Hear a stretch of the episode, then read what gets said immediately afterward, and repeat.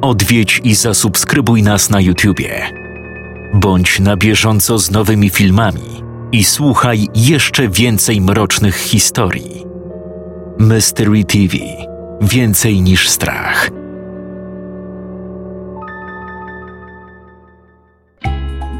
Interesujesz się pracą lektora? Zastanawia cię, jak to wszystko wygląda od kuchni. A może chciałbyś spróbować własnych sił i być może w przyszłości zostać lektorem, lektorką w filmach fabularnych, dokumentalnych albo audiobookach? Nazywam się Jakub Rutka i zapraszam cię na swój lektorski podcast. Kulisy, ciekawostki i wiele, wiele innych, mam nadzieję, ciekawych tematów ze świata lektorskiego. Do usłyszenia.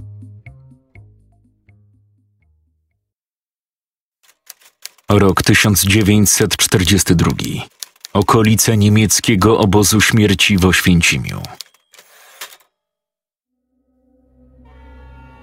Głośny stukot kół bydlęcych wagonów roznosił się złowrogim echem po wielkiej puszczy, kiedy to czarny jak smoła pociąg śmierci mknął przez lasy do wyznaczonego celu podróży. A celem tym było niewyobrażalne piekło zgotowane ludziom przez istoty, które nigdy nie zasługiwały na to, by zwać się człowiekiem. Choć wyglądali jak ludzie, wygląd był ich jedynym podobieństwem. W drewnianych wagonach, upchani niczym sardynki w puszce, zamknięci byli ludzie.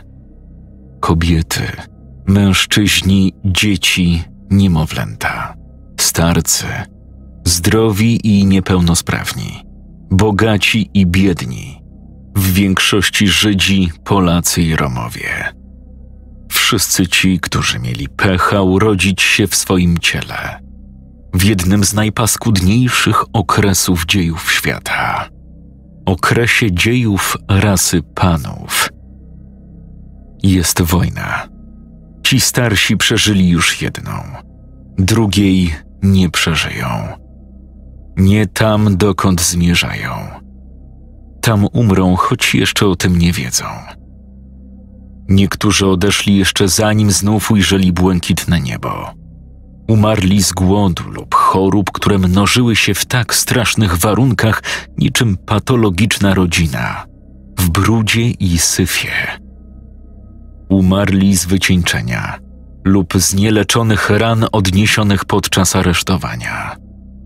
Zimne, skostniałe trupy nieszczęśników wynoszono podczas krótkich postojów, kiedy to niemieccy żołnierze, chodząc od wagonu do wagonu, rozdawali swoim ofiarom czerstwy, często spleśniały chleb i wodę.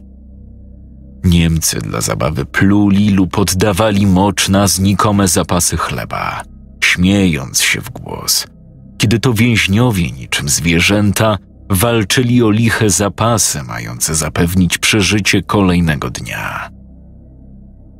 Olbrzymi głód.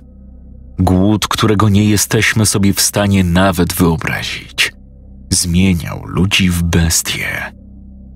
A panowie czystej krwi aryjscy władcy świata cieszyli się patrząc na walczących odartych z resztek godności ludzi. Wśród ofiar zdarzały się osobniki, które chciały walczyć lub uciekać. Chude, żylaste ręce przeciw karabinom, pistoletom i gumowym pałkom. Osoby te odstrzeliwano na oczach reszty, a ciała wyrzucano na pobocze, by pokazać zwierzętom, co grozi za niesubordynację próbę ucieczki czy tlącą się jeszcze w sercu iskierkę nadziei. Kiedy czarny pociąg przekraczał próg bramy z napisem Arbeit macht frei, bramy prowadzącej do systemu bardzo dobrze strzeżonych przez uzbrojonych żołnierzy baraków obozu koncentracyjnego. Ludzie z bydlęcych wagonów dzieleni byli na dwie grupy. Tych z fachem w ręku i zdolnych do katorżniczej pracy – zbrodniarze ustawiali po jednej stronie peronu, tych zaś do dezynfekcji po drugiej. A dezynfekcja, o czym nie wiedzieli nieszczęśnicy, była ostateczna. Nie miała ona na celu pozbycia się wszy czy pluskiew, mycia czy podstawowej higieny. Miała ona na celu oddzielenie duszy od ciała. Po betonowej platformie koło torów, między dwiema grupami zmęczonych i głodnych ludzi, przechadzał się, emanując swoją boskością, niemiecki oficer. Jego oficerki lśniły niczym czarne lustro. Szary, schludny mundur zaprojektowany przez firmę Hugo Boss zdobił jego aryjskie ciało nad człowieka. Niebieskie oczy łypały bystro po szarych twarzach tych psów, tych zwierząt ustawionych po lewej i prawej, tych pcheł, tych główien. Absolutną ciszę przerwał płacz niemowlęcia. Płacz dochodził z grupy przeznaczonej do dezynfekcji. Oficer błyskawicznie odwrócił się w stronę dźwięku i wyłowił w wąskim tłumie brudnych twarzy młodą kobietę o czarnych włosach. Kobieta tuliła w szarym płaszczu swoje kilkumiesięczne dziecko. Szeptała do niego, starając się je uciszyć. Nie chciała zwracać na siebie uwagi. Unikała wzroku oficera, gdy ten stał nieruchomo, wpatrując się w nią rozwścieczonym błękitem swoich oczu. Bała się. Niemiec krzyknął, rozkazując kobiecie podejść. Zrobiła to niechętnie, powoli i ślamazarnie. Trzęsła się cała ze strachu, tuląc do piersi swoje płaczące z głodu dziecko. Kiedy stanęła przed oficerem, ten dłonią odzianą w skórzaną, czarną rękawiczkę. Wyszarpnął jej niemowlę z objęć. Teraz kobieta również zaczęła płakać, składając dłonie w błagalnym geście. Proszę, błagam. To moje dziecko. Moje maleńkie dziecko, proszę litości. Mówiła powoli i wyraźnie, mając nadzieję, że Niemiec zrozumie. Oficer nie znał jednak polskiego, ale rozumiał. Jednym silnym zamachem rzucił niemowlęciem o betonową podłogę peronu. I nim młoda kobieta zdążyła wydać z siebie ryk przerażającego do szpiku kości bólu, Oficer zmiażdżył dziecku główkę swoim nienagannie wypolerowanym butem. Chrupnęło, a płacz ustał. Kobieta rzuciła się do stóp naczelnika obozu, próbując wyrwać spod jego buta zawiniątko, które zaczynało nasiąkać już krwią. Krzyczała Przeciągły jęk rozpaczy, jaki wydobywał się z jej piersi, był jak sople lodu, zimny i ostry. Łzy spływały po jej wykrzywionej przerażającym bólem twarzy. Oficer złapał ją za włosy i przyciągnął mocno do siebie. Nagle z tłumu do dezynfekcji wystąpił starszy mężczyzna, koło sześćdziesiątki Miał krótkie, rzadkie siwe włosy, a jego twarz pokrywały głębokie zmarszczki. Był niski i chudy. Zaciskał szczękę ze złości. Zostaw ją, bydlaku! krzyknął staruszek, wskazując na oficera palcem. Chyba chciał powiedzieć coś jeszcze, zrobić kilka dodatkowych kroków nie zdążył jednak. Naczelnik obozu błyskawicznie dobył z kabury przy pasku swoją ulubioną P-38 i oddał celny strzał prosto w głowę mężczyzny. Pocisk roztrzaskał czaszkę staruszka, rozchlapując w koło czerwoną posokę i kawałeczki mózgu. Następnym strzałem zabił wciąż rozpaczającą kobietę. Upadła ona martwa na ciało swojego dziecka. Znów byli razem. Za wybryk na peronie jeszcze tego samego dnia obie grupy trafiły do komór gazowych. Setki ciał wymordowanych ludzi. Niemcy spalili w krematoryjnych piecach. Trupów, których nie zdążyli spopielić, wywieźli ciężarówkami do olbrzymich dołów wykopanych za obozem. To wszystko w zaledwie jeden dzień. A dni było więcej. Zmieniały się one w tygodnie, miesiące i lata. Te niewyobrażalne bestialstwa i okrucieństwa, których nie sposób opisać słowami, zdarzyły się przez kłamstwo. Kłamstwo powtarzane i wlewane do umysłów niemieckiego narodu tak długo, aż przyjęli je za prawdę. Albowiem powiadam wam, któż jest ponad panami?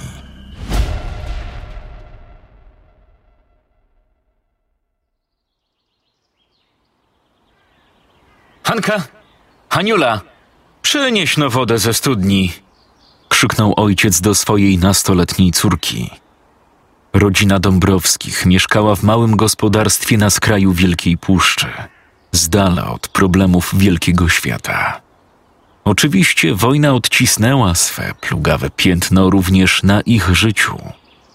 Od czasu do czasu na ich własność najeżdżał niemiecki pluton Wehrmachtu, szukając ukrywających się żydowskich rodzin – rabując przy okazji część zapasów zboża, mleka czy innych darów płodnych pól czy zwierząt hodowlanych. Raz nawet Antoni Dąbrowski, głowa rodziny, dostał pałką przez łeb od jednego z niemieckich żołnierzy. Mimo to radzili sobie całkiem nieźle. Posiadali kilka dorodnych krów, dających sporo mleka, parę tłustych prosiaków, sporo kur. Nie przymierali głodem w czasach wojny zawsze lepiej uciekać na wieś. Na wsi łatwiej o pożywienie, trudniej zaś o bombardowanie. Nie to co w mieście. Już idę, tatku. Hania zawsze była pracowita i uczynna, z czego jej rodzice byli bardzo dumni. Pomagała przy obejściu, zajmowała się młodszym rodzeństwem, jak i swoją babcią, którą bardzo szanowała za mądrość i dobre serce. Dziewczyna kończyła dziś szesnasty rok życia i z niecierpliwością czekała na wieczór, wyobrażając sobie już w głowie piękne i ciepłe płomienie ogniska rozpalonego z okazji jej urodzin. Uwielbiała śpiewać, kiedy jej ojciec, prosty rolnik, przygrywał różne skoczne melodie na harmonijce ustnej. Był w tym naprawdę dobry. Hania nigdy na to nie liczyła – Zawsze jednak dostawała na urodziny jakiś drobiazg. Zdobioną spinkę do włosów czy nową sukienkę uszytą potajemnie przez swoją matkę. Nie wiedziała tego. Jednak dziś miała otrzymać wyjątkowy prezent. Gdy nastał wieczór, a wszystkie obowiązki w gospodarstwie i domu były już odhaczone, cała rodzina zebrała się za stodołą, by przy klimatycznie trzaskającym ognisku zaśpiewać solenizantce sto lat i złożyć najszczersze życzenia. Hania była przeszczęśliwa. Nader wszystko ceniła sobie bliskość swojej rodziny. Mamy, taty, babci i dwóch młodszych braciszków. Antoni naostrzył kije i zaczął smażyć kiełbaski. Jego żona Jadwiga pokroiła chleb i przygotowała ziemniaki – by później wrzucić je do skrzącego się żaru.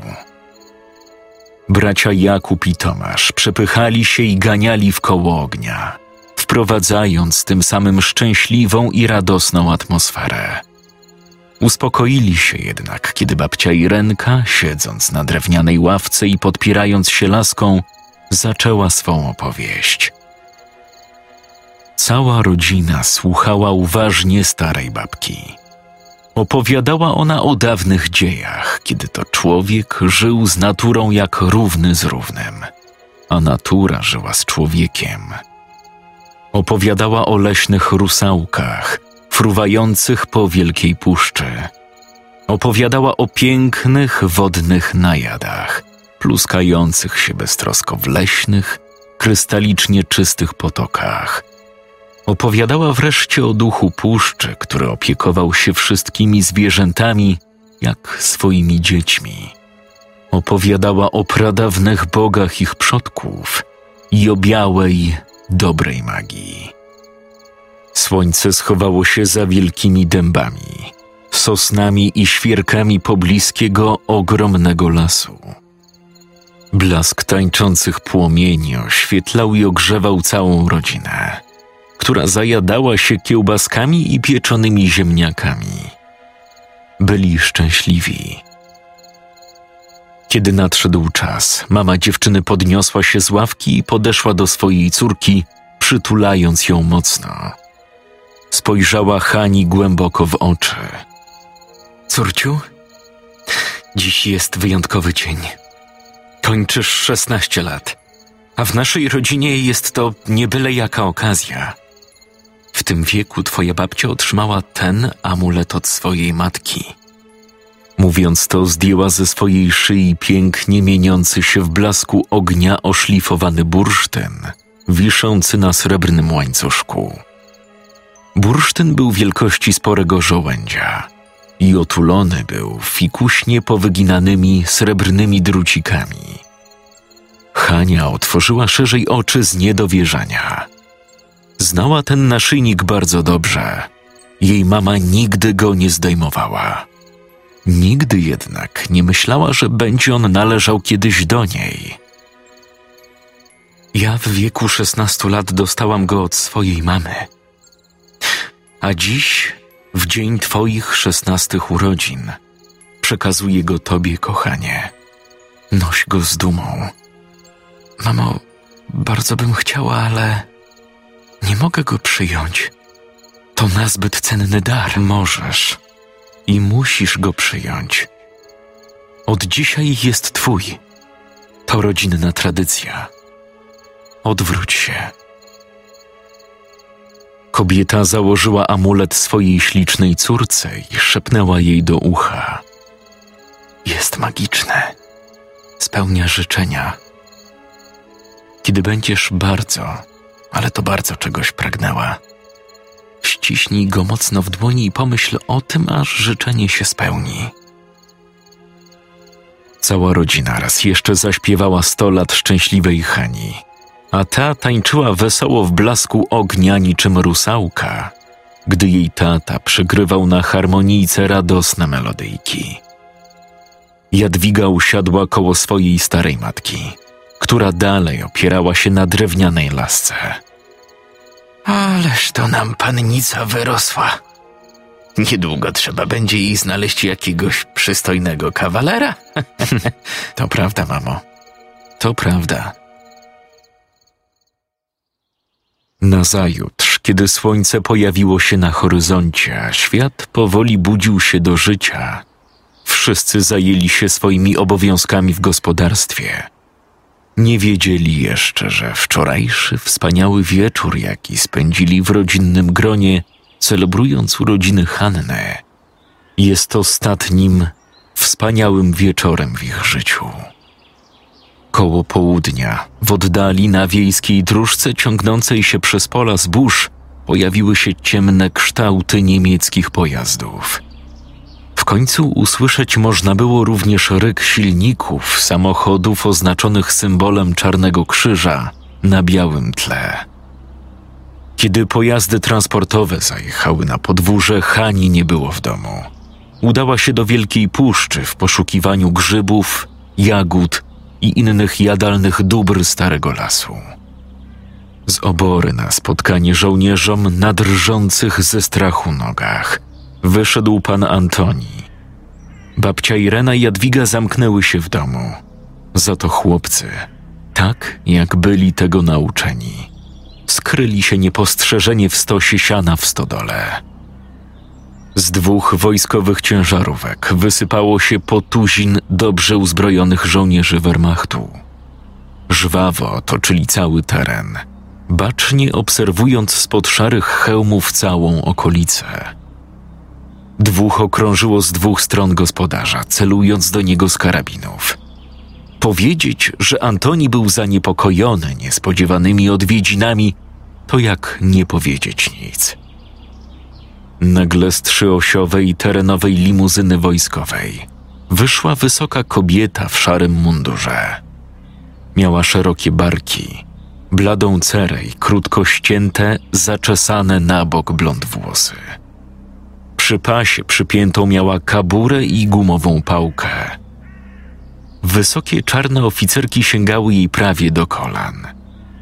W ślad za nią z pojazdu wyskoczyły ogromne i czarne niczym piekielna smoła dwa owczarki niemieckie. Nastroszyły się i stanęły sztywno koło swojej pani. Kobieta rozejrzała się po lichych i biednych zabudowaniach gospodarstwa, po czym jej błękitny wzrok padł na trzęsącego się jak galareta Antoniego. Skrzywiła się z odrazą. Nazywała się Renate Krause, a więźniowie skazani na straszny los z pobliskiego obozu zagłady nazywali ją między sobą kobietą z psami. Wiedziała o tym i była z tego bardzo dumna. Zyskała ten przydomek pewnego upiornego jesiennego dnia, kiedy to jeden z pieców krematoryjnych przeznaczonych do spalania ciał wymordowanych ludzi zepsuł się. Skutkowało to niewyrobieniem dziennej normy. Naczelnik obozu bardzo się wtedy zezłościł, a jego złość udzieliła się również Renate. Kiedy robiła obchód po jednym z zawszonych baraków, nie zwróciła uwagi na dwóch nieszczęśników, którzy nie żyli już od kilku godzin z powodu głodu. Jej uwagę przykuła za to pewna młoda Polka, która leżąc na drewnianej półce przeznaczonej do spania, jęczała cicho w przedporodowych konwulsjach. Renate wściekła się wtedy okrutnie. Jak mogła nie zauważyć, że w jednym z jej baraków ma dojść do reprodukcji tego robactwa? Własnoręcznie wywlekła wtedy ciężarną na środek placu.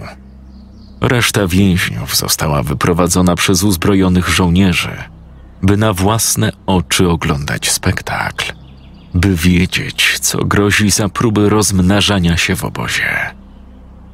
Młoda Polka krzyczała w niebogłosy, kiedy to własnymi siłami, leżąc na zimnym betonie, bez niczyjej pomocy i na oczach współwięźniów, próbowała wydać na świat swojego potomka. Renate Krause siedziała na przyniesionym dla niej wygodnym skórzanym fotelu, drapiąc po wielkim łbie towarzyszącego jej owczarka i uśmiechając się paskudnie pod nosem. Poród trwał długo. W końcu na świat przyszedł chłopczyk. Był maleńki, fioletowo-różowy i od razu zaczął płakać. Jego matka przytuliła go mocno, chowając pod pasiastą, brudną koszulę. Na ułamek sekundy zapomniała o całym świecie. I mimo to, że włosy kleiły się jej do twarzy, uśmiechnęła się do chłopca. Renate gwizdnęła głośno. Dwa towarzyszące jej nieustannie wilczury, Hades i Tyfus, tylko czekały na ten rozkaz. Pędem rzuciły się w stronę leżącej na ziemi dziewczynie. Ich ostre zęby zatopiły się w chudym i wycieńczonym ciele młodej Polki. Psy gryzły, szarpały i drapały, odrywając od niej kawałki mięśni, żył i ścięgien. Hades zdołał wyszarpać z jej objęć niemowlę, które płakało jeszcze przez chwilę, po czym zaczął machać nim na wszystkie strony jak zabawką. Dziewczyna darła się opętańczo, kiedy tyfus wyszarpywał jej zębiskami ramię zestawu. Kiedy psy skończyły zabawę, na środku placu w jednej ogromnej kałuży krwi leżało rozszarpane na kawałki ciało młodej matki i jej dziecka. Metry wylanych z ciała jelit wyglądały niczym krwawy wąż. Hades i Tyfus wrócili do swojej pani. Renate uklękła przy nich i przytuliła mocno swoje bestie. Ich ociekające gęstą krwią pyski ubrudziły ją na twarzy, dodając przerażającego makijażu. Większość więźniów nie oderwała wzroku od rzeźni, która właśnie się tu rozegrała. To, co spotkało młodą Polkę, a także jej nowonarodzone dziecko, było tylko trochę bardziej finezyjne od tego, co przeżywali na co dzień w niemieckim obozie śmierci. Albowiem powiadam wam, któż jest ponad panami? W taki oto sposób Renate stała się kobietą z psami, a dwa krwiożercze wilczury były jej atrybutem. Żołnierze służący pod Renatę szczerze podziwiali i szanowali swojego dowódcę. Krause była całkowicie lojalna Rzeszy i z całego swojego kamiennego serca nienawidziła Żydów i wszystkich tych, którzy w mniemaniu Hitlera i wielu innych mu podobnych odpowiedzialni byli za biedę i nędzę panującą w Niemczech po I wojnie światowej. W całym obozie jednak, wśród żołnierzy, jak i więźniów, czasem usłyszeć można było plotki, jakoby Renate uprawiała chory, wynaturzony seks ze swoimi bestiami lub spożywała z nimi posiłki z jednej miski. Jeśli chodzi o jedzenie, było to absolutną bzdurą. Jeśli chodzi zaś o seks, uwielbiała go szalenie. Najbardziej lubiła, kiedy Hades lizał ją mocno między nogami. Często wtedy szczytowała. Plotki te dodawały jej tylko charyzmy oraz cienia tajemniczości. W istocie Renate Krause była chorą psychopatką i zoofilką. Stała teraz wyprostowana na środku podwórza, z rękami skrzyżowanymi na piersiach. Czy mieszka tu niejaka Irena Dąbrowska? Spytała z mocnym niemieckim akcentem, podchodząc do przerażonego gospodarza. Tak, to moja teściowa, proszę pani. Gdzie jest? Cisza. Antoni zerkał nerwowo po ziemi. Bał się spojrzeć w oczy kobiecie w mundurze. Gdzie? W, w domu. W domu, proszę pani. W domu, ale to starsza Franz? kobieta. Rupert, przyprowadzić. Dwaj Niemcy natychmiast ruszyli do małego domku. Hans kopnął z całych sił drzwi, które wyłamały się z zawiasów i runęły do środka. Weszli. Po chwili usłyszeć można było stłumiony krzyk i płacz dochodzący z głębi domostwa. Żołnierze wyszli, ciągnąc pod ramiona staruszkę, która szorowała stopami o ziemię. Zaraz za nimi wybiegła Jadwiga, opierając się na drewnianych poręczach schodów. Płakała i szeptała coś pod nosem. Irena Dąbrowska? Tak, zgadza się. To ja. Nasi zaufani informatorzy donieśli nam, że po Wielkiej Wojnie pracowałaś w katowickim Domu Pomocy dla Młodzieży. Czy to prawda? Tak, zgadza się. Po wojnie wiele dzieci, wiele sierot potrzebowało dachu nad głową. Starałam się nimi zajmować, choć oczywiście wszystkich i tak nie dało się uratować. Zbyt wiele ich było. Było ich nazbyt dużo, a czasy były ciężkie. Renata Krause wyciągnęła z kieszeni szarego munduru posrebrzaną, zdobioną papierośnicę. Zapaliła papierosa i wypuściła z płuc obłok gęstego, tytoniowego dymu. A czy wśród tych dzieci, czy wśród tych sierot byli Żydzi? Oczywiście, że tak. Wojna dotknęła wszystkich. Pamiętam, że miałam nawet jednego czarnoskórego podopiecznego. Nazywał się chyba Agbola? Tak. Ale i tak mówiliśmy na niego August albo Ali. Po prostu Ali. Był zdolny. Pięknie grał na trąbce, kiedy... Dość! A czy wiadomo, co stało się z tymi dziećmi? Było to pytanie, na które Krause bardzo dobrze znała odpowiedź. i dlatego przyjechała na gospodarstwo Dąbrowskich wraz z połową kompanii. Mimo to lubiła bawić się w kotka i myszkę, a raczej w rozwścieczonego, zdziczałego psa i bezbronne niemowlę. Nie. Kiedy kończyły szesnasty rok życia, każde z nich ruszało w swoją drogę.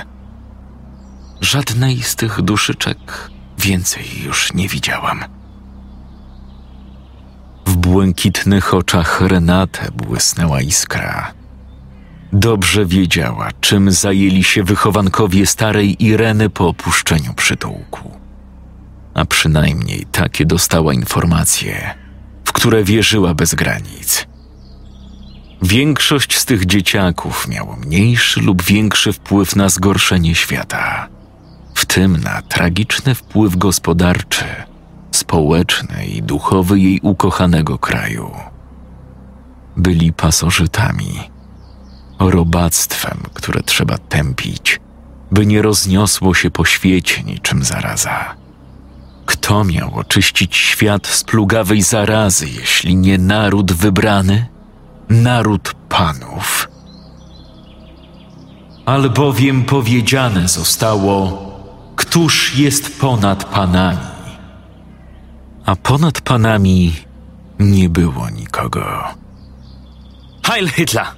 krzyknęła Renate Krause, stukając oficerkami i unosząc wyprostowaną rękę ku górze.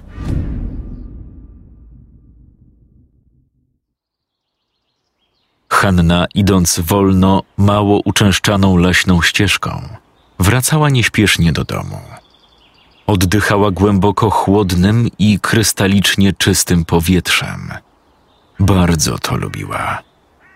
Miała wrażenie, że wielka puszcza dodaje jej sił i wigoru. Matka natura obdarzyła ją tego dnia dwoma pełnymi koszami granatowych jagód i pysznych grzybów. Kiedy wróci, zrobią z nich razem z babcią zupę, według przepisu, którego Irena nauczyła się jeszcze od swojej babki. Kiedy dziewczyna dotarła do ostatnich linii drzew graniczących z ich polem, od razu zrozumiała, że coś jest bardzo nie tak. Z daleka dojrzała ciemne niemieckie ciężarówki i żołnierzy pod bronią. Jej rodzinne gospodarstwo było otoczone. Instynktownie czmychnęła za rosnący obok rozłożysty bóg. Miała złe przeczucie. Odłożyła pełne koszyki na ściółce i zwinnie niczym wiewiórka wdrapała się prosto w koronę drzewa, kryjąc się w gęstych liściach. Dla dzieciaków wychowanych na wsi było to proste jak wchodzenie po drabinie. Była dobrze ukryta i na tyle daleko, że nikt nie mógł jej zobaczyć. Za to ona z góry miała doskonały widok. A widok, który dojrzała, wstrząsnął nią do głębi. To nie może być prawda. To jakiś cholerny koszmar. Zaraz obudzi się w swoim łóżku, by skoro świt pomóc swojemu ojcu przy obejściu. To, co zobaczyła, przeszyło jej serce niczym lodowa lanca.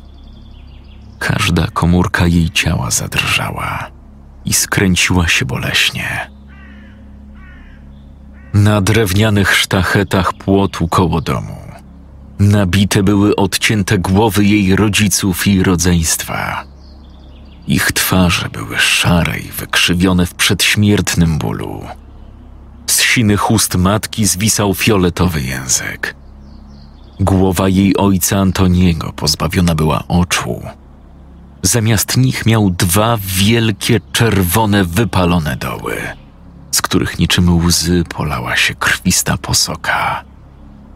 Jej młodsi braciszkowie mieli odcięte uszy. Ich ciała ułożone były w rzędzie obok, na trawie. Wszystkie zwłoki miały związane ręce za plecami.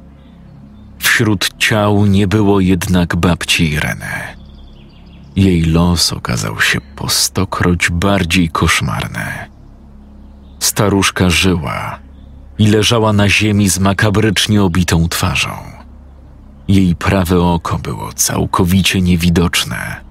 Zniknęło w zielonofioletowej opuchliźnie. Chciała wstać, lecz nie mogła. Nie miała siły nawet walczyć, kiedy między jej przywiązanymi do wbitych w ziemię kołków nogami leżał Hades. Olbrzymi, włochaty pies gwałcił babcię brutalnie. Gęsta piana z pyska ochlapywała zakrwawioną twarz staruszki. Żołnierze śmiali się ohydnie, paląc papierosy i wytykając babcię Irenę palcem. Leżała na ziemi, pohańbiona, marząca o śmierci. Kiedy Hades skończył, zlazł ze staruszki, dysząc ciężko. Wtedy zastąpił go tyfus. Niemcy śmiali się jeszcze głośniej.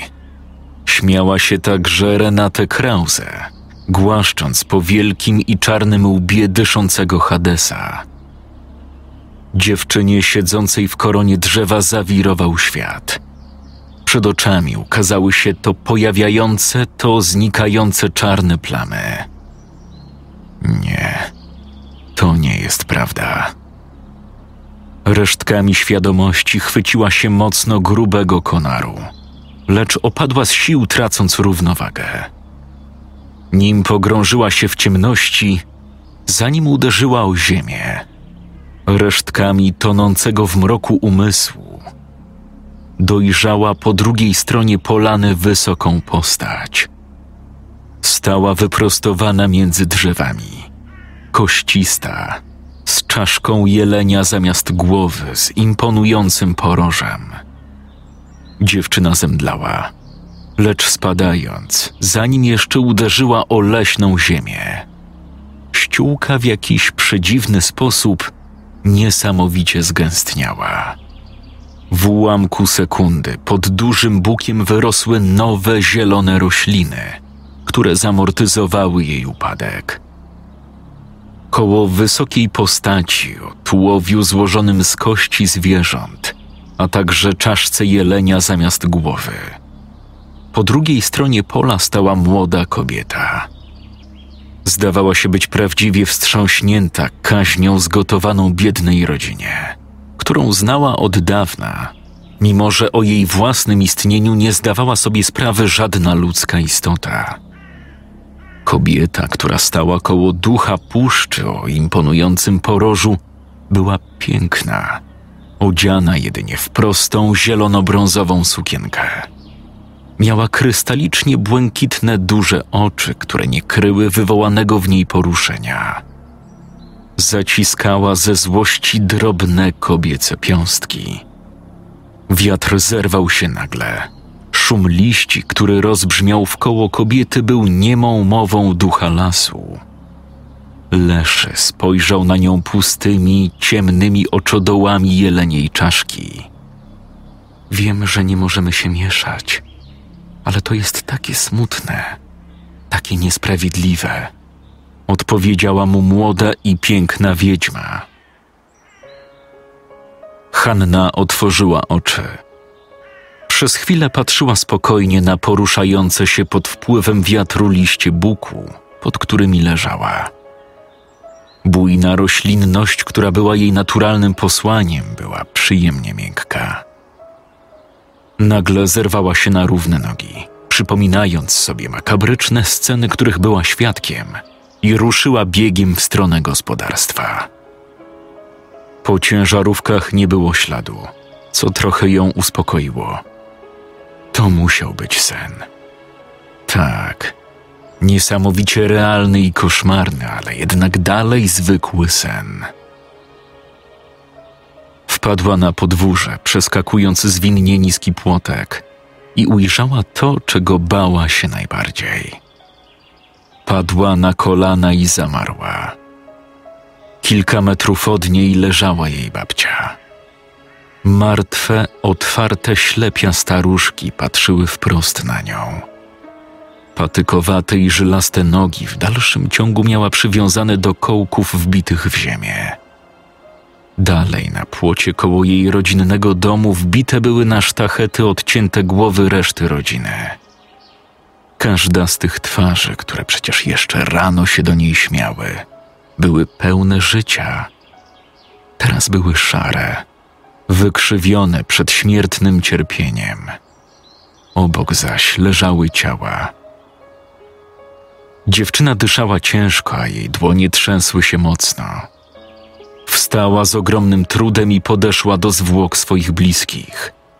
Zwymiotowała i upadła. Później zwymiotowała jeszcze raz, a gdy nie miała już czym, wymiotowała powietrzem i gęstą żółtą cieczą. Leżała między ciałem babci a upiornym płotem ozdobionym w odcięte głowy. Płakała, głośno i przerażająco. Nagle płacz i krzyk zaczął brzmieć inaczej. Zaczął przypominać śmiech, dziwny i szalony. Hanna śmiała się w głos, wyrywając sobie z głowy włosy ubrudzone ziemią. Śmiała się tak mocno, że zaczynało brakować jej tchu. Popadła w odmęty szaleństwa. Jej umysł nie poradził sobie z olbrzymią traumą i ciężarem po utracie najbliższych. Biedactwo. Biedactwo.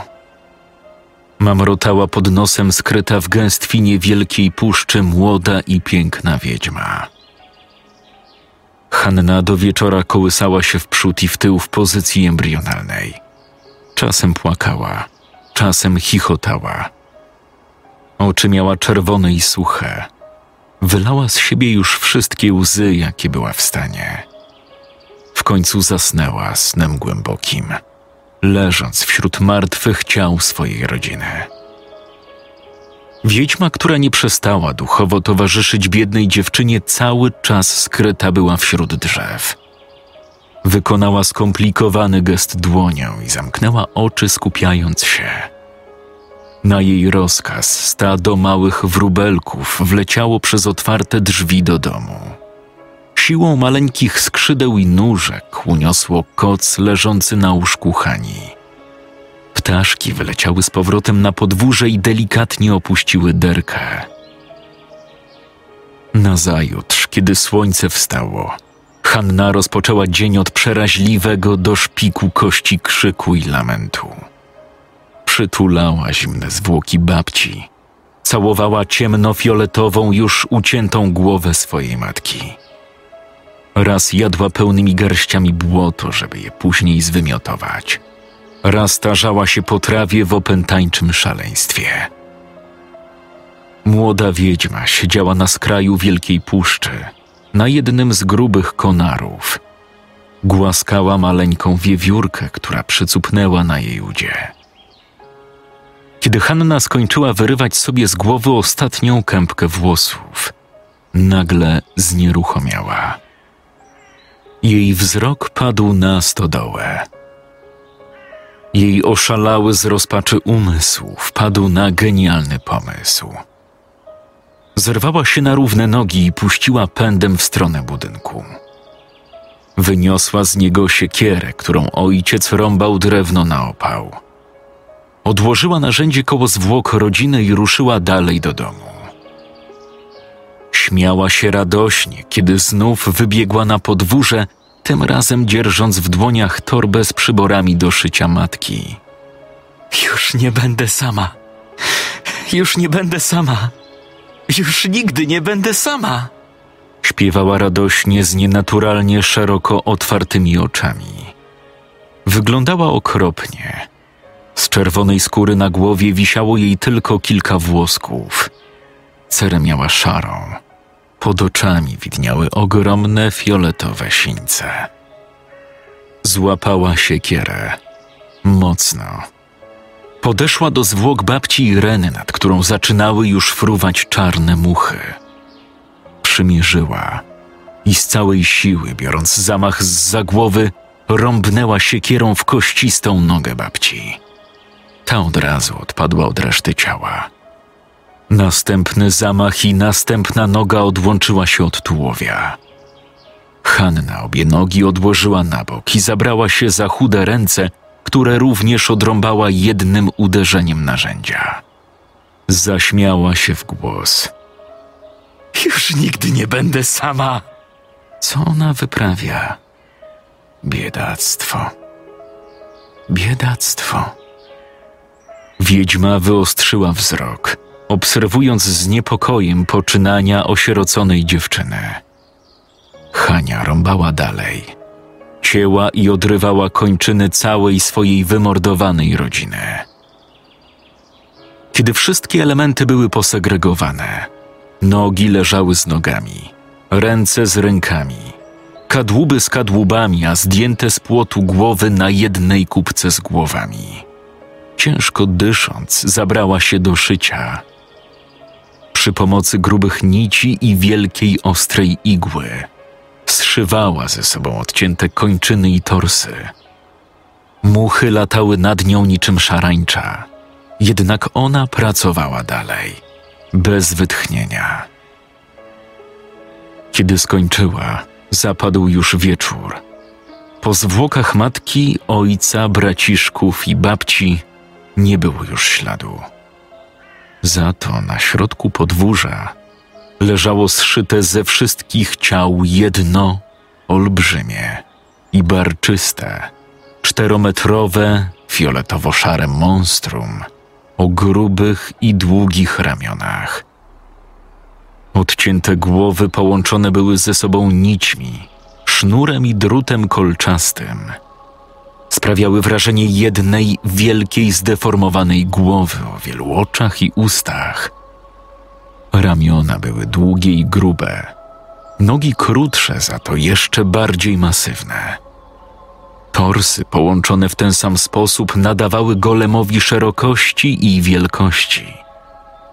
Na całym ciele potwora widoczne były szwy, rany po cięciach i rąbaniu, z których powoli sączyła się gęsta, szaro-zielona ciecz.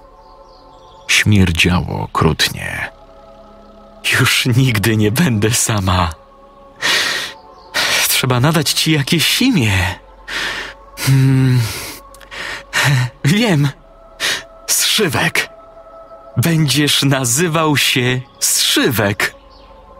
Podbiegła do człekopodobnego, martwego stwora i położyła się przy nim, przytulając go mocno. Tak bardzo bym chciała, żebyś mógł ze mną porozmawiać żebym nigdy nie była już sama. Mówiąc to, dziewczyna wyciągnęła spod bluzki amulet, który otrzymała od matki na szesnaste urodziny. Ścisnęła go mocno w chudych, zakrwawionych dłoniach. Zasnęła, zmęczona po ciężkim dniu, a horda much latała nad nią i nad zszywkiem.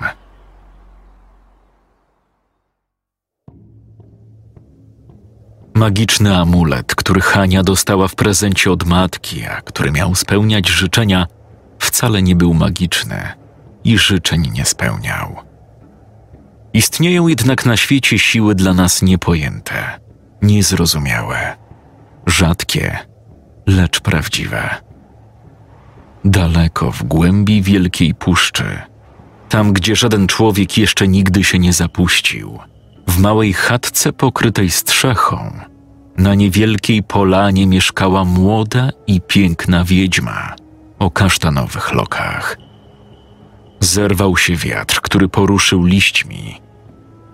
Zaufaj mi, powiedziała stanowczo wiedźma do stojącej przed nią wysokiej postaci o czaszce jelenia. Księżyc w pełni odbijał się w jej błękitnych, zdeterminowanych oczach. Ona ma do odegrania jeszcze bardzo istotną rolę. Tak zostało zapisane, czuję to. Leszy górował nad wiedźmą, a wiatr zawiał znowu. Powinniśmy i zrobimy to. A ty, duchu lasu, przekonasz się, że miałam rację. Może nie jutro, może nie za lat dziesięć, ale kiedyś, kiedyś przyznasz, że postąpiłam słusznie Młoda kobieta odwróciła się od Leszego.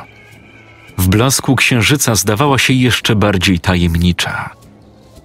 Na bujnych lokach umieszczona była dziwaczna leśna korona ozdobiona żołędziami.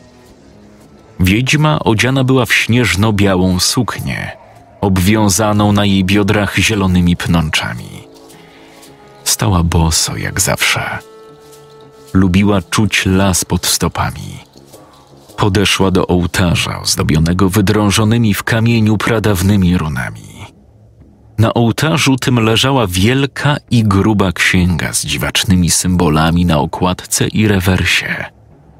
Symbole te zdawały się żyć. Były w ciągłym ruchu. Koło księgi znajdowała się drewniana misa i wykrzywiony w kształt węża nóż. Obok kamienny moździerz i tłuczek, tajemnicze rośliny, mchy, grzyby, ziarna i suszone korzenie. Wiedźma odetchnęła głęboko i zamknęła oczy.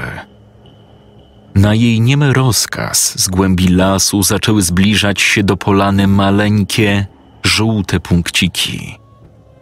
To świetliki. Tysiące małych, lśniących kropek przybyły na jej wezwanie, aby rozświetlić ołtarz i polanę. Piękna wiedźma skierowała wzrok na rosnące nieopodal wodospadu rozłożyste drzewo. Z jednej gałęzi zwisało twarde pnącze, do którego coś było przywiązane. Coś, co szamotało się w cieniu rzucanym przez koronę drzewa. Kobieta chwyciła wężowy nóż i ruszyła w stronę drzewa powolnym krokiem.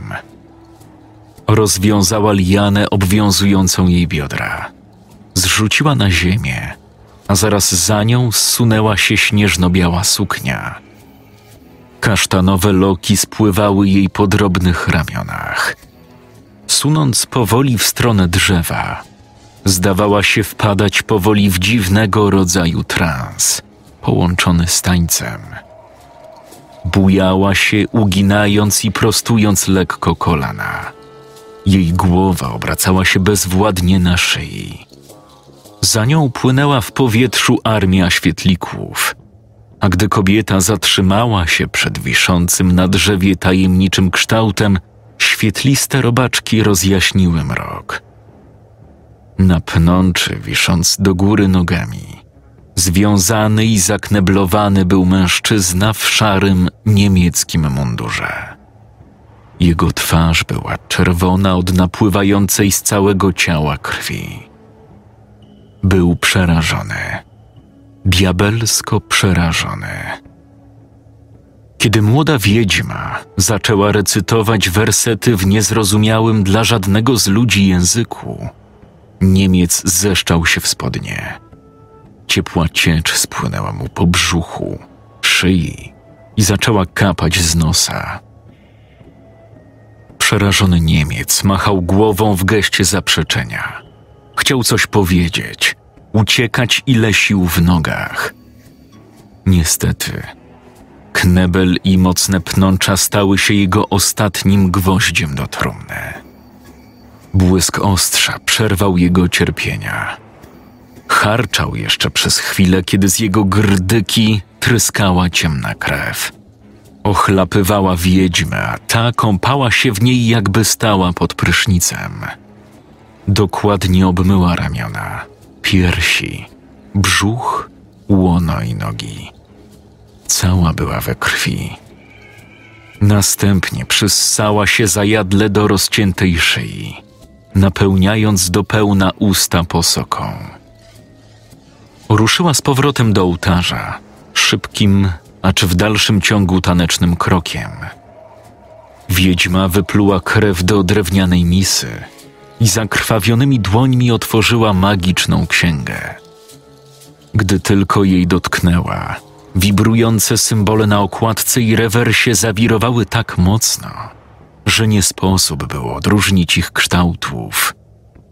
Na zżółkłym i starym papierze, czarnym jak piekła atramentem, w nieludzkim języku były spisane słowa mocy – jeszcze chwilę temu była prześliczną, drobną dziewczyną o aparycji wodnej nimfy. Teraz jednak wykrzykiwała magiczne inkantacje, unosząc dłonie ponad głową. Teraz wyglądała upiornie, przerażająco i ponad miarę potężnie. Duch lasu cały czas stał niewzruszony niczym kamienny posąg, nie przeszkadzając wiedźmie w odprawianiu przedwiecznego rytuału. Ona za to mamrotała teraz pod nosem zaklęcia, mieszając w misie krew i sobie tylko znane zioła i korzenie. Zakrwawione włosy zasłaniały jej twarz, a mocne wewnętrzne szarpnięcie od czasu do czasu miotało jej ciałem. Stała jednak wytrwale, nie przerywając pracy. Kiedy cuchnący eliksir był już gotowy, wiedźma wypiła jednym haustem całą zawartość drewnianego naczynia i wężowym ostrzem zaczęła wycinać symbol pentagramu na wnętrzu swojej prawej dłoni. Znieruchomiała. Słychać było cykanie świerszczy i szum pobliskiego potoku. Gdzieś w oddali pochukiwała sowa. Nagle ciałem wiedźmy zaczęły wstrząsać mocne dreszcze. Dygotała cała przeraźliwie. Walczyła z czymś niepojętym. Z jej ust zaczęła wydobywać się gęsta, spieniona ślina, a ona twardo stała dalej przy ołtarzu. W końcu zwróciła wszystko, co miała w żołądku, prosto na kamienny stół ofiarny i z całej siły uderzyła w wymiocinę otwartą dłonią. Z cuchnącego szlamu pod jej palcami wybuchła nagle jasna poświata, a nad ołtarzem pojawiła się drgająca, skrząca się błękitem energia wielkości zaciśniętej męskiej pięści. Nim wycieńczona wiedźma straciła przytomność, machnęła jeszcze mocno dłonią w kierunku gospodarstwa rodziny Dąbrowskich i skupiła się mocno. Energia wystrzeliła w górę, wysoko ponad korony Wielkiej Puszczy i poszybowała do celu wskazanego przez kobietę.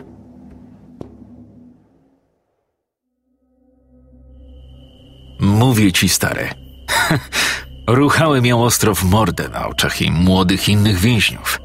Obiecałem jej dodatkową porcję chleba. Powiedział uradowany niemiecki żołnierz do drugiego podczas nocnego patrolu w obozie zagłady. Kiedy się spuszczałem, zacisnąłem jej nos, a ona zaczęła się krztusić, aż w końcu zwymiotowała jakimś żółtym gównem. Zastrzeliłem ją. Jej gówniarze zaczęły wtedy głośno ryczeć. Rozpolała mnie głowa od tego skowytu, więc je też zastrzeliłem. Kurwa, Hans, to obrzydliwe. W życiu nie wydymałbym Żydówki, a tam pierdolisz. Potwór nie potwór, jak to mówią. Szli marszem ubezpieczonym wzdłuż wysokiego płotu i zasieków z drutu kolczastego, dzierżąc w dłoniach karabiny. Palili papierosy, wypuszczając siwy, gęsty dym. Ty, zobacz. Spadająca gwiazda. Wskazał pierwszy palcem na błękitną smugę sunącą po czarnym niebie nad wielką puszczą. Oby to całe robactwo zniknęło z powierzchni świata. Wypowiedział życzenie na głos drugi. Hanna otworzyła oczy, wracając z krainy snów do rzeczywistego świata. Świtało już, a powietrze było wilgotne i świeże. Zorientowała się, że nie leżała już na gołej ziemi, tak jak zasnęła wczorajszego dnia obudziła się ułożona wygodnie na kupie siana, której nie było wcześniej na środku podwórza. Przykryta była ciepłym kocem, który kiedyś uszyła jej babcia Irenka. Przeciągnęła się i rozejrzała w koło, a serce podskoczyło jej aż do gardła.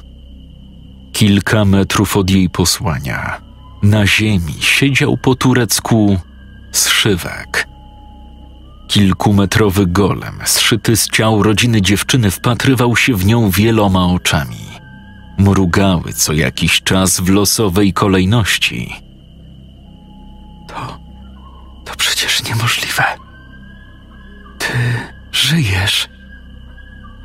Zszywek chrząknął kilka razy, a z otwartych ust znajdujących się tam, gdzie powinno być czoło, wypłynęła gęsta, czarna maść.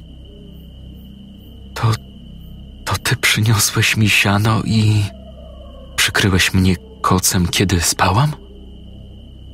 Mimo szoku nie czuła strachu. Tego sobie życzyła, czyż nie? Życzyła sobie, by już nigdy nie być sama. Golem pokiwał zdeformowaną głową, a każdemu jego ruchowi towarzyszyło nieprzyjemne chrupanie.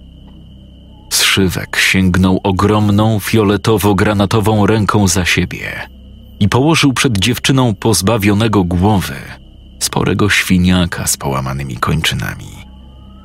Złapał go mocno za brzuch i rozerwał skórę i żebra, odsłaniając przed nią surowe mięso. To dla mnie? spytała dziewczyna, na jej sercu zrobiło się ciepło. Uśmiechnęła się do potwora. Pierwszy raz od kilku dni poczuła wilczy głód. Zszywek znów pokiwał głową, a wszystkie usta znajdujące się na jego makabrycznie zszytej głowie wykrzywiły się, jakby próbował odwzajemnić uśmiech. Chrząknął potwierdzająco. Hanna wstała i ostrożnie podeszła do truchła zwierzęcia. Uklękła i włożyła dłonie w środek. Zaczęła zajadać się szarymi jelitami, surowym mięsem i wątrobą. Jadła łapczywie, mimo iż posiłek był ciężki do rzucia, twardy i zarazem gumiasty. Kiedy napełniła żołądek do pełna, uśmiechnęła się upiornie do golema. Cała jej twarz, szyja, ubranie i ręce umazane były w świńskiej krwi. Dziękuję ci, Szywku. To było bardzo miłe z twojej strony. Potwór położył sobie ogromną dłoń na piersi, jakby chciał powiedzieć: Nie ma za co.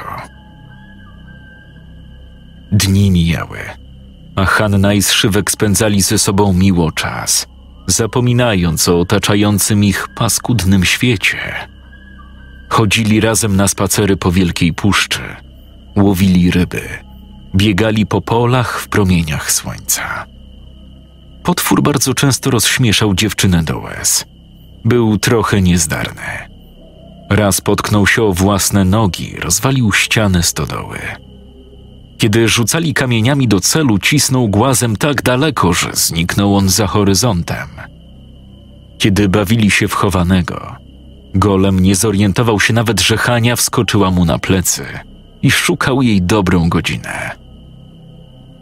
Śmiechu było co niemiara, a zszywek, mimo iż był w zasadzie martwy, cieszył się, że może rozweselić swoją przyjaciółkę. Wieczorami, kiedy spędzali czas przy przyjemnie trzaskającym ognisku, Hanna czytała swojemu towarzyszowi różne książki, które tata przywoził czasem z wyjazdów do miasta. Młoda wiedźma obserwowała tę przedziwną parę, skryta w gęstwinie wielkiej puszczy. Była wykończona po rytuale, jaki odprawiła, aby tchnąć w potwora iskry życia.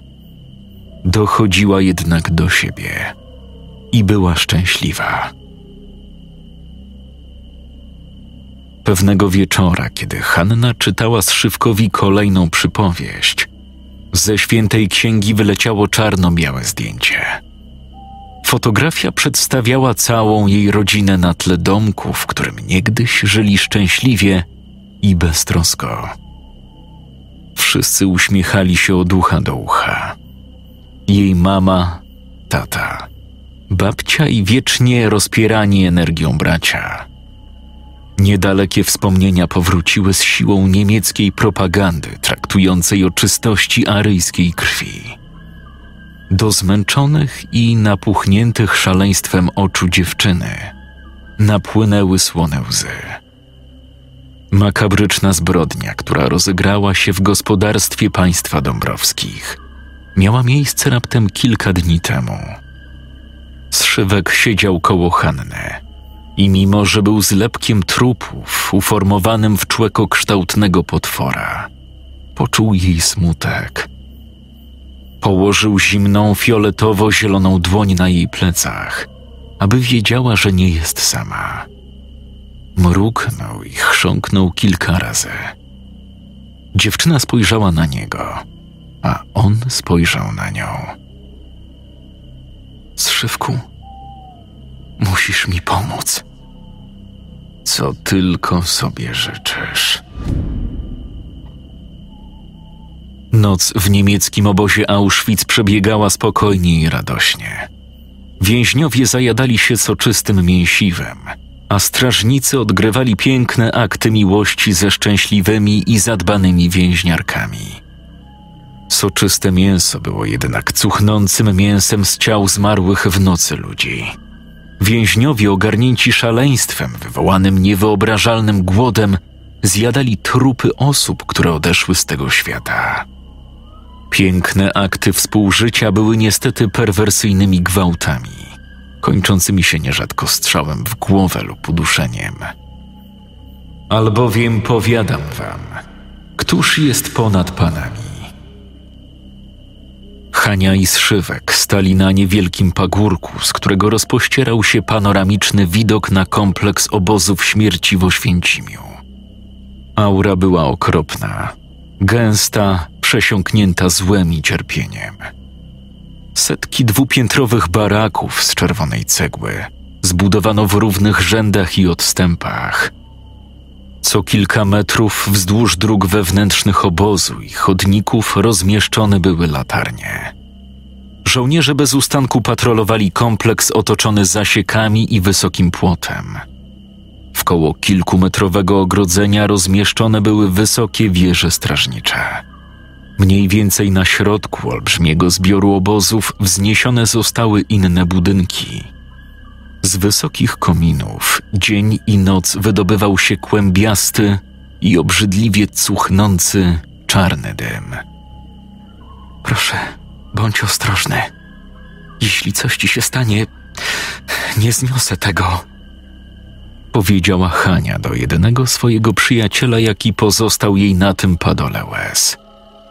Zszywek mruknął kilka razy, a coś mocno chrupnęło w jego olbrzymim karku. Uśmiechnął się do niej wszystkimi granatowymi ustami. Przytaknął potwierdzająco, choć doskonale zdawał sobie sprawę z faktu, że wcale uważać nie musi i nawet nie zamierza. Podniósł z ziemi przewrócone drzewo i jednym sprawnym ruchem pozbawił je wyschniętych już gałęzi. Pozostał sam twardy i mocny pień. Drugą dłonią wyrwał z ziemi pobliski głaz. Był dość wąski, za to rozłożysty, wysoki i szeroki. Idealnie nadał się na tarczę. Golem mrugnął do Hani jednym ze swoich licznych oczu i ruszył w dół pagórka. Jego marszowi towarzyszyło dudnienie gruntu. Nie czuł strachu, czuł gniew. Jonas? Jonas, kurwa, czy ty to widzisz? Co to kurwa jest? Alarm! Alarm! Nim padły pierwsze strzały, nim którykolwiek z niemieckich żołnierzy zdążył zareagować, olbrzymi, rozwścieczony golem kilkoma długimi susami dobiegł do żelaznej bramy z wyspawanym nad nią napisem Arbeit macht frei. Zszywek jednym potężnym uderzeniem wyrwał ją wraz ze słupami. Obie jej części wystrzeliły ze zbrojonego fundamentu i wyrżnęły w pobliski patrol strażników. Stalowe pręty i okucia połamały im większość kości, pourywały nogi. Buchnął obłok krwi. Ze strażnic zaczęły padać serie z karabinów maszynowych. Zszywek odbijał pociski skalną tarczą, lecz kilka kul zanurzyło się w jego ciele. Golem nie zrobił sobie z tego faktu zupełnie nic. Pociski tonęły w jego olbrzymim i umięśnionym cielsku. Dla zszywka jednak kule te mogły być równie dobrze maleńkimi szyszkami. Nie czuł bólu ani słabości. Żadna ludzka broń nie mogła go zatrzymać. Podbiegł do jednego z żołnierzy. Wziął szeroki zamach i rąbnął z całej siły trzymanym mocno pniem. Strażnika wyrwało z butów a jego zmiażdżone ciało rozmazało się po fasadzie strażnicy. Żołnierzy zaczęło przybywać. Pociski wchodziły w ciało zszywka jeden po drugim. Ten jednak biegał od jednej sekcji zbrodniarzy do drugiej, miażdżąc ich twardym pniem, kopiąc lub uderzając kamienną tarczą. Wszyscy ginęli od jednego jego ciosu. Wkoło golema padał deszcz krwi, kończyn i organów wewnętrznych, a wypadnięte z rozerwanych ciał jelita latały wkoło niczym serpentyny na festynie. Psy bojowe, spuszczone przez Niemców na zszywka, kuliły ogony na widok jego majestatu, uciekając w popłochu. Nagle na głównej drodze między barakami, terkocząc głośnym silnikiem diesla, pojawił się średni niemiecki czołg. Na chwilę czas jakby spowolnił. Z lufy karabinu 20 mm padł strzał, który uderzył wprost w rozwścieczonego potwora. Ten zasłonił się tarczą, która wybuchła na miliony skalnych drobinek. W tym momencie nastąpiła chwila niezwykła. Zszywek zamarł na chwilę, jakby zbierając siły, a pociski karabinów przecinały w koło powietrze. Golem wziął głęboki oddech i ryknął z całych sił. A ryk ten wywołał falę uderzeniową, która odrzuciła żołnierzy w tył i powybijała okna w pobliskich budynkach. Był to rozkaz, potężny i nieznoszący sprzeciwu, a oni rozkazu usłuchali. Usłuchali i przybyli na wezwanie zszywka. W miejscu masowych mogił zaraz koło obozu, gdzie zakopane były dziesiątki tysięcy zwłok, zatrzęsła się ziemia spulchniała, jakby zaraz pod jej powierzchnią żerowała gigantyczna dżdżownica wielkości długiego pociągu. Z gruntu wystrzeliła długa, wysuszona szaro-fioletowa ręka. Zaraz koło niej wystrzeliła następna, później kolejna i jeszcze jedna, aż cały teren masowych grobów pokrył przerażający las ruszających się trupich ramion zaczęli wykopywać się z ziemi.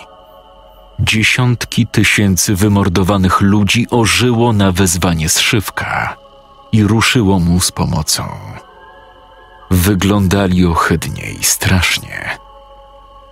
Armia żądnych zemsty nieumarłych ruszyła do boju, którego pragnęli za życia.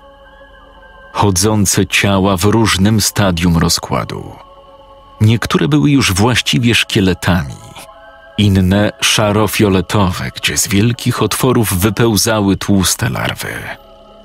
Wlali się przez bramę wyważoną przez golema, napierali na zasieki, które pokonywali bez trudu, gdyż ani druty kolczaste, ani pociski wystrzeliwane przez żołnierzy nie mogły ich już powstrzymać. Nieumarli wgryzali się w tętnice swoich oprawców – drapali ich rosnącymi jeszcze przez jakiś czas po śmierci pazurami. Wyrywali kończyny ze stawów, skręcali karki.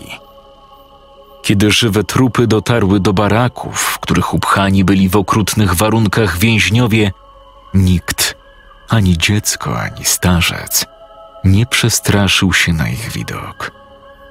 W niemieckim obozie koncentracyjnym widzieli już tyle zła że nawet widok żywych trupów odrywających głowy Niemcom nie robił na nich wrażenia.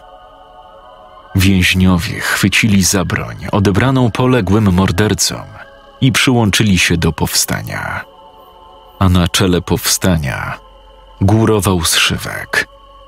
Golem stworzony przez nastolatkę, która była świadkiem kaźni swojej rodziny.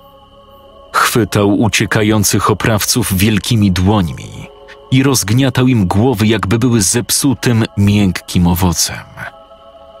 Powiedzieć, że cały obóz spłynął krwią, to jak nie powiedzieć nic.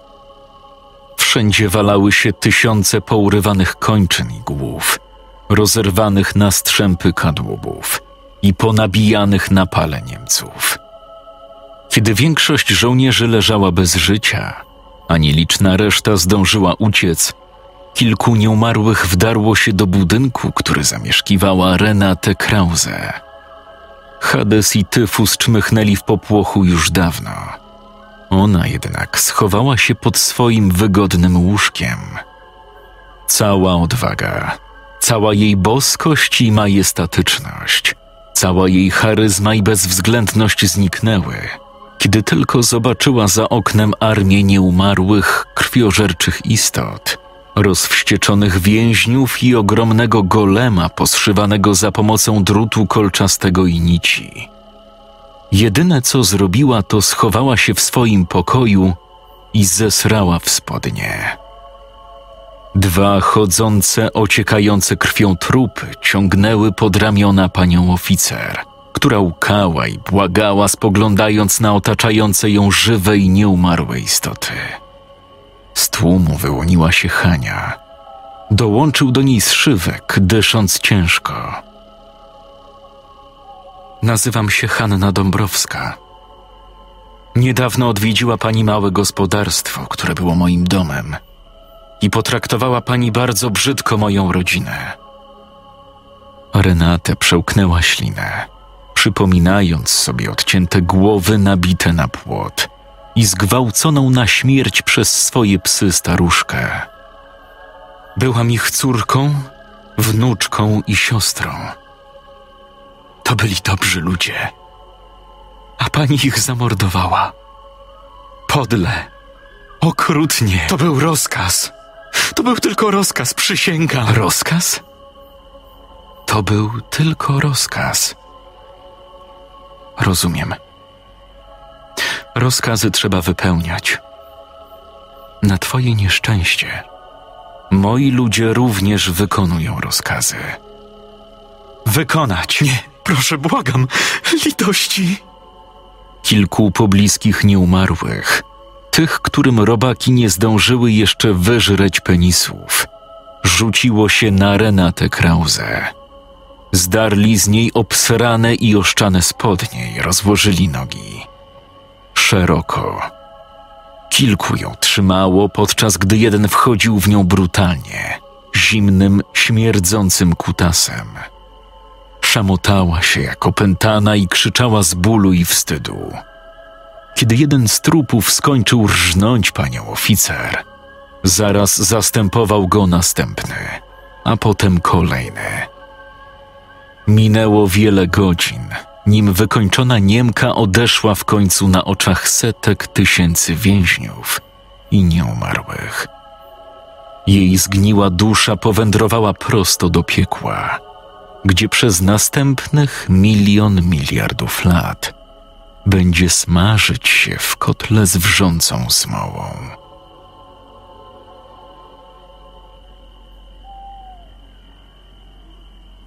Scenariusz Marek Łukaszewicz. Czytał Jakub Rutka.